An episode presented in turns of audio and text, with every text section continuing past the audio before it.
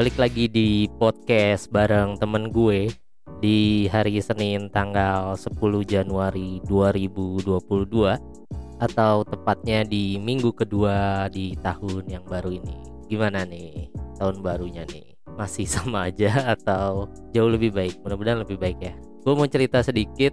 Sebenarnya di weekend kemarin gue sempat ketemu sama teman gue jadi emang yang gue bilang di episode sebelumnya kan teman gue emang udah janji ada beberapa orang yang oke okay, confirm mau jadi tamu di sini tapi karena masa liburan jadi mereka punya agenda lah. Nah kemarin tuh weekend gue sempet janjian sama teman gue dan gue udah ketemu gitu. Gue udah ketemu gue ngobrol kan. Biasa sebelum ngetek biasanya gue emang ada briefing dulu ngobrol-ngobrol dulu lah gitu biar lebih enak gitu. Dan kemarin tuh emang posisinya gue mau nyoba ngetek di luar rumah gitu. Gue mau nyoba aman gak dari suaranya gitu suara noise nya ataupun backgroundnya dan lain sebagainya itu masuk gak gitu masuknya parah atau enggak karena gue belum pernah ngetek di luar rumah gue gitu. Jadi gue belum tahu nih seberapa noise. Karena emang ada beberapa tamu gue yang kayaknya nggak mungkin nih kalau datang ke rumah gue gitu. Pertama mungkin karena jauh karena waktu dan lain sebagainya. Jadi kemungkinan harus ketemu di tengah. Kayak temen gue yang minggu kemarin gue ketemu tuh di weekend ya gue harus ketemu di luar gitu. Dan gue mau coba kan. Ya udah pas ketemu ngobrol briefing gitu kan. Mau gue udah ada beberapa bahan ya. Gue udah ada beberapa topik yang mau gue ajuin ke dia gitu. Kita bahas ini yuk bahas ini bahas itu. Nah gue nggak nyangka gitu ketika gue ngobrol ternyata jawabannya lebih dalam dari apa yang gue sangka gitu. Gue pikir kan ya udah akan bahas tipis-tipis aja gitu. Ternyata pas gue ngobrol sama temen gue ini wah anjrit kok jadi dalam banget ya? gitu. Kok jadi jadi private gitu.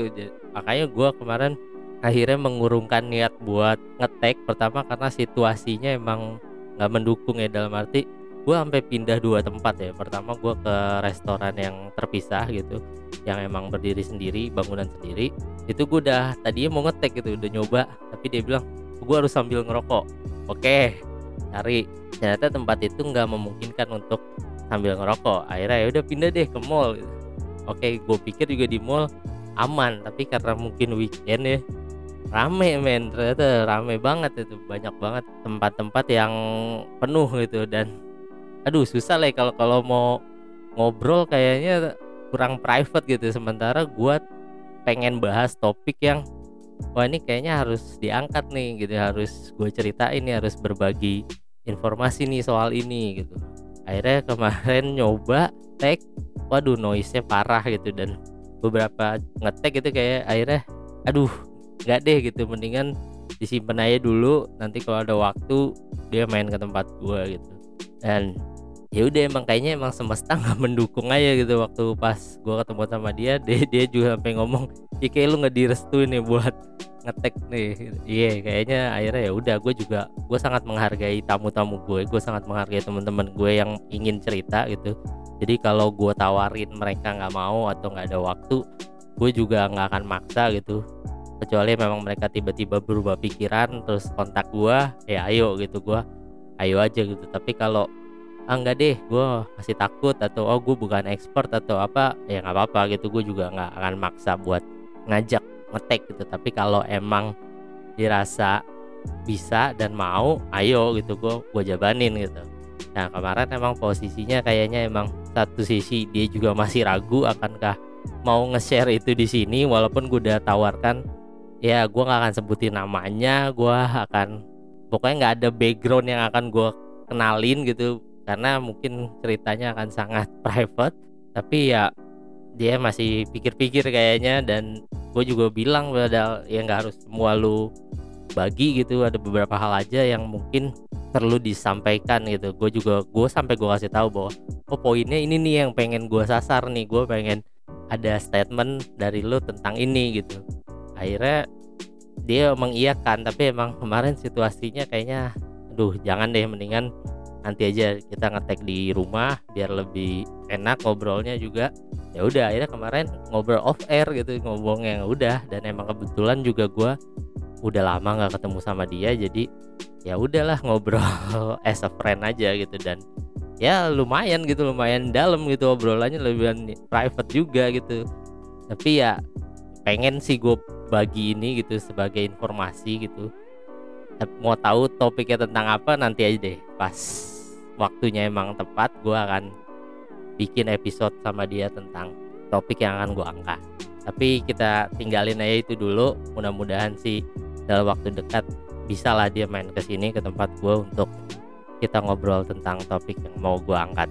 Tapi di minggu lalu juga banyak hal yang terjadi nih di dunia sosial media dan dunia tipu-tipu ini yang mencuri perhatian gue pertama tuh soal spirit doll. Ya kalau lo tahu nih beberapa minggu terakhir nih lagi rame tentang spirit doll atau boneka arwah. Ada-ada aja ya. Maksud gue lagi ini negara lagi nggak ada apa-apa gitu tiba-tiba wis muncul fenomena baru gitu spirit doll yang gue nggak tahu siapa yang mulai tapi kalau nggak salah pertama yang gue lihat tuh tentang Ivan Gunawan ya. Yang di TL gue yang keluar tuh anjing TL yang keluar di apa Instagram gua atau di Twitter gua ya si Ivan Gunawan ini gitu. Terus mulai banyak tuh artis-artis yang punya spirit doll atau boneka arwah gitu kan. Akhirnya gue cari tahu lah kan gue ini apaan sih fenomena apaan nih? Karena kok rame banget sih dibicarain ya. Akhirnya gue dapat sebuah artikel nih dari kompas.com akhirnya gue cari tahu nih sebenarnya sejarahnya gimana sih kok bisa muncul gitu. Jadi sebenarnya setelah gue baca spirit doll atau boneka arwah ini tuh awalnya dari Thailand kalau dikutip dari The Culture Trip nih kalau di artikelnya Kompas. Itu disebut boneka seperti bayi dan sebutannya look tap look tap atau dalam bahasa Thailand itu diartikan sebagai malaikat anak yang dipercaya dirasuki sama roh halus pembawa keberuntungan dan kemakmuran tuh. Jadi awalnya itu tuh ternyata dari Thailand nih yang yang mempopulerkan. Bahkan ada beberapa teori nih mengenai gimana sih ini tradisi look tap ini muncul nih. Uh, awalnya tuh kalau nggak salah ada yang namanya mining. Dia disebut-sebut bertanggung jawab nih ngemu, nge, merubah boneka plastik yang sederhana menjadi pembawa keberuntungan yang dihormati. Dia merupakan penjual boneka dan juga mengaku sebagai ahli ritual Hindu. Dia menge mengeklaim saat siaran bahwa bonekanya itu memiliki kekuatan super. Terus nggak lama setelah mengeluarkan pernyataan tersebut, para biksu Buddha dan peramal tuh mengadakan ritual untuk menempatkan keberunt roh keberuntungan ke dalam boneka plastik itu. Bahkan setelah itu tuh banyak tuh selebriti Thailand yang mengikuti tren tersebut. Bahkan ada maskapai Thailand Airways itu bahkan mengizinkan ya untuk membeli kursi khusus untuk boneka arwah ini gitu. Biar dia juga bisa ditawarin makan dan lain sebagainya. Kocak juga ya. Udah beneran perlakuannya seperti ya anak sendiri gitu kan. Seperti yang gue tahu di Indonesia kan gitu kan. Oh dia punya spirit doll ya perlakuannya udah kayak bayinya dia sendiri gitu. Teori lainnya menyebut kalau asal usul look tap ini nih boneka arwah ini sebagai tradisi dari versi terbaru Kumantong Pemantong itu adalah janin yang udah meninggal sebelum dilahirkan dan itu disimpan dan diyakini membawa arwah anak yang meninggal. Terus ada juga teori yang bawa yang bilang kalau tradisi look tap ini terkait tingkat kesuburan yang rendah di Thailand karena wanita Thailand parubaya paling sering membawa boneka suci ini. Jadi kayaknya mungkin yang nggak udah nggak mungkin punya anak gitu kali ya atau gua tahu gimana. Jadi ya bawa-bawa boneka ini kali ya biar untuk mengisi kekosongan itu.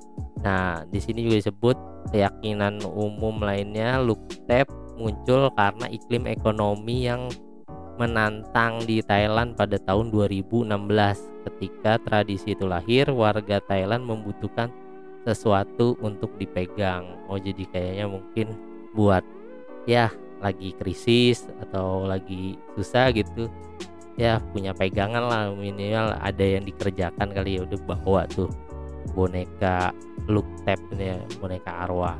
Dan harganya ternyata nggak kira-kira juga ya harganya banyak juga ya. Di sini ditulis di situs jual beli Etsy harga spirit doll tuh mulai dari ratusan ribu hingga ratusan juta rupiah. Yang termahal tuh ada namanya boneka princess. Usia 5 tahun. Oh ada usianya juga ya? Dan tingginya 33 inci. Itu harganya sekitar 103 juta. Gila banyak. Mahal juga ya? Sementara itu di e-commerce dijual ratusan ribu hingga jutaan rupiah. Dan termahal tuh ada namanya oh nggak ada namanya ada boneka perempuan handmade itu dijual harga 2,9 juta. Bahkan ada juga yang 3,5 juta. Dan ini fenomena ini emang apa ya mengundang banyak atensi ya termasuk juga dari dunia psikologi. Karena pasti akan dihubungkan nih normal gak sih wajar gak sih lu punya boneka yang diperlakukan sebagai anak gitu yang yang perlakuannya sama kayak lu memperlakukan seorang anak gitu. Di sini bahkan disebut nih menurut dosen Fakultas Psikologi UNER Profesor Nurul Hartini menyebut kalau tindakan tersebut telah mengarah pada perilaku yang tidak wajar. Karena menurut dia nih, ketika seseorang menganggap boneka tersebut hidup dan percaya bahwa mereka akan bertumbuh besar, maka hal itu telah keluar dari batas akal sehat. Perilaku tersebut menjadi keanehan tersendiri yang disebabkan oleh berbagai faktor. Ya salah satunya dia bilang mungkin ya karena ngikutin tren selebritis yang emang mungkin cari sensasi ya banyak juga kan sekarang yang oke ya demi eksistensi apa ya diikutin gitu.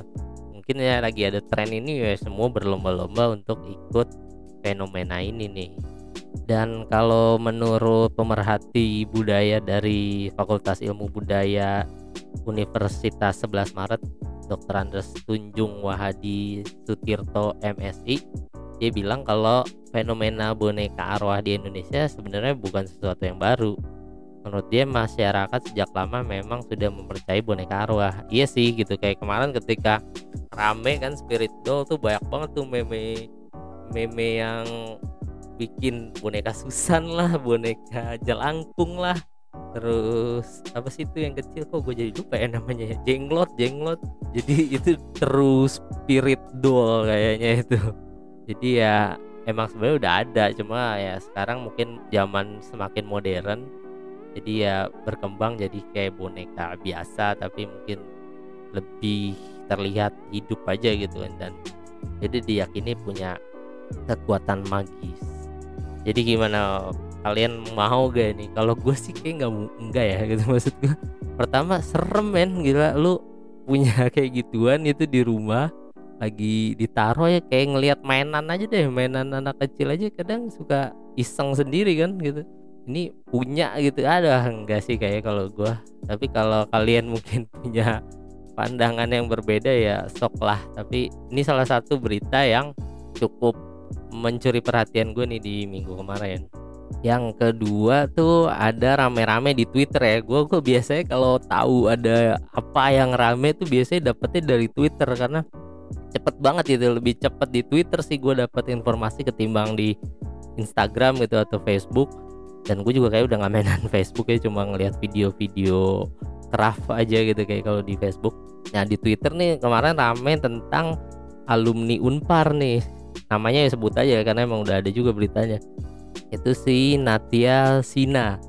Gua nggak tahu kok ternyata dia tuh selebgram ya atau influencer atau apalah. Cuma emang tiba-tiba rame kan di sosmed yang dia memflexing, eh flexing dan doxing. Ya ini nih dua kata yang lagi-lagi istilah baru ya. Gue sempet akhirnya cari tahu sih apaan sih nih doxing dan flexing gitu kan Ternyata kalau dari Wikipedia doxing itu berasal dari kata docs atau singkatan dari dokumen. itu sebuah tindakan berbasis internet untuk meneliti dan menyebarluaskan informasi pribadi secara publik termasuk data pribadi itu ya terhadap seseorang individu atau organisasi. Metode ini digunakan untuk memperoleh informasi termasuk mencari basis data yang tersedia untuk umum dan sosial media, meretas dan rekayasa sosial. Tindakan ini erat terkait dengan vigilantisme internet dan aktivisme. Nah, jadi doxing itu kayak ngebuka inilah ya privasi orang di sosmed dan flexing atau istilah gaul nih itu untuk orang yang suka pamer gitu. Jadi kayak lu pamer sesuatu tuh sekarang istilahnya flexing. Jadi doxing dan flexing nih kemarin terjadi nih di kasus Natia Sina gitu. Jadi gue coba kemarin cari tahu kan nih apa sih nih yang bikin rame gitu. Ternyata dia ngepost ya kalau nggak salah ngepost DM seorang mahasiswa baru atau maba ya maba yang juga ternyata follower dia yang minta tolong nih ke dia melalui DM untuk ngerjain soal UAS mata kuliah pengantar ilmu hubungan internasional kalau nggak salah tuh yang susah tuh dia bilang tuh susah kak minta tolong bantuin dan lain sebagainya. Dan responnya dia tuh yang kan dia kalau nggak salah tuh ada beberapa slide tuh bisa lu cari situ ada di dan di slide pertama sih cukup bener ya maksudnya ya udah nih kayak nggak boleh nih lo begini ini sesusah susahnya ya lu kerjain aja tugas lu mau dapat nilai A mau dapat nilai E itu ya itu jeripaya lo sendiri gitu. Tapi pas di slide kedua atau slide ketiga tuh dia mulai flexing atau pamer gitu. Dia bilang dia lulusan terbaik terus dia pernah jadi asdos dan lain sebagainya. Itu yang bikin kayaknya netizen langsung sis gitu. Nggak gitu. Ya iya sih maksud gue ya boleh lah. Gue juga bukan gue setuju sama dia bahwa ya jangan lalu ketika lo punya tugas kuliah atau apa ya lu maksimalin dulu gitu.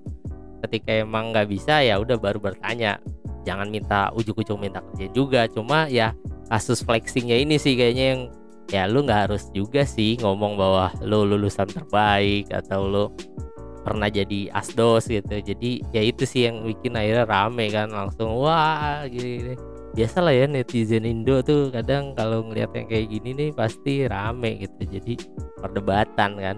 Dan yang bikin aneh juga kan dia ngaku-ngaku sebagai lulusan terbaik terus sekarang jadi influencer atau selebgram gitu. Walaupun itu bukan sesuatu yang salah ya cuma maksud gua kalau gua ya kalau gua di posisi bawah oh gue membranding diri gue bahwa oh, gue lulusan terbaik di desain grafis gitu atau di mana ya gue akan bekerja atau gue akan bergelut di bidang yang emang gue akui bahwa gue expert di situ gitu.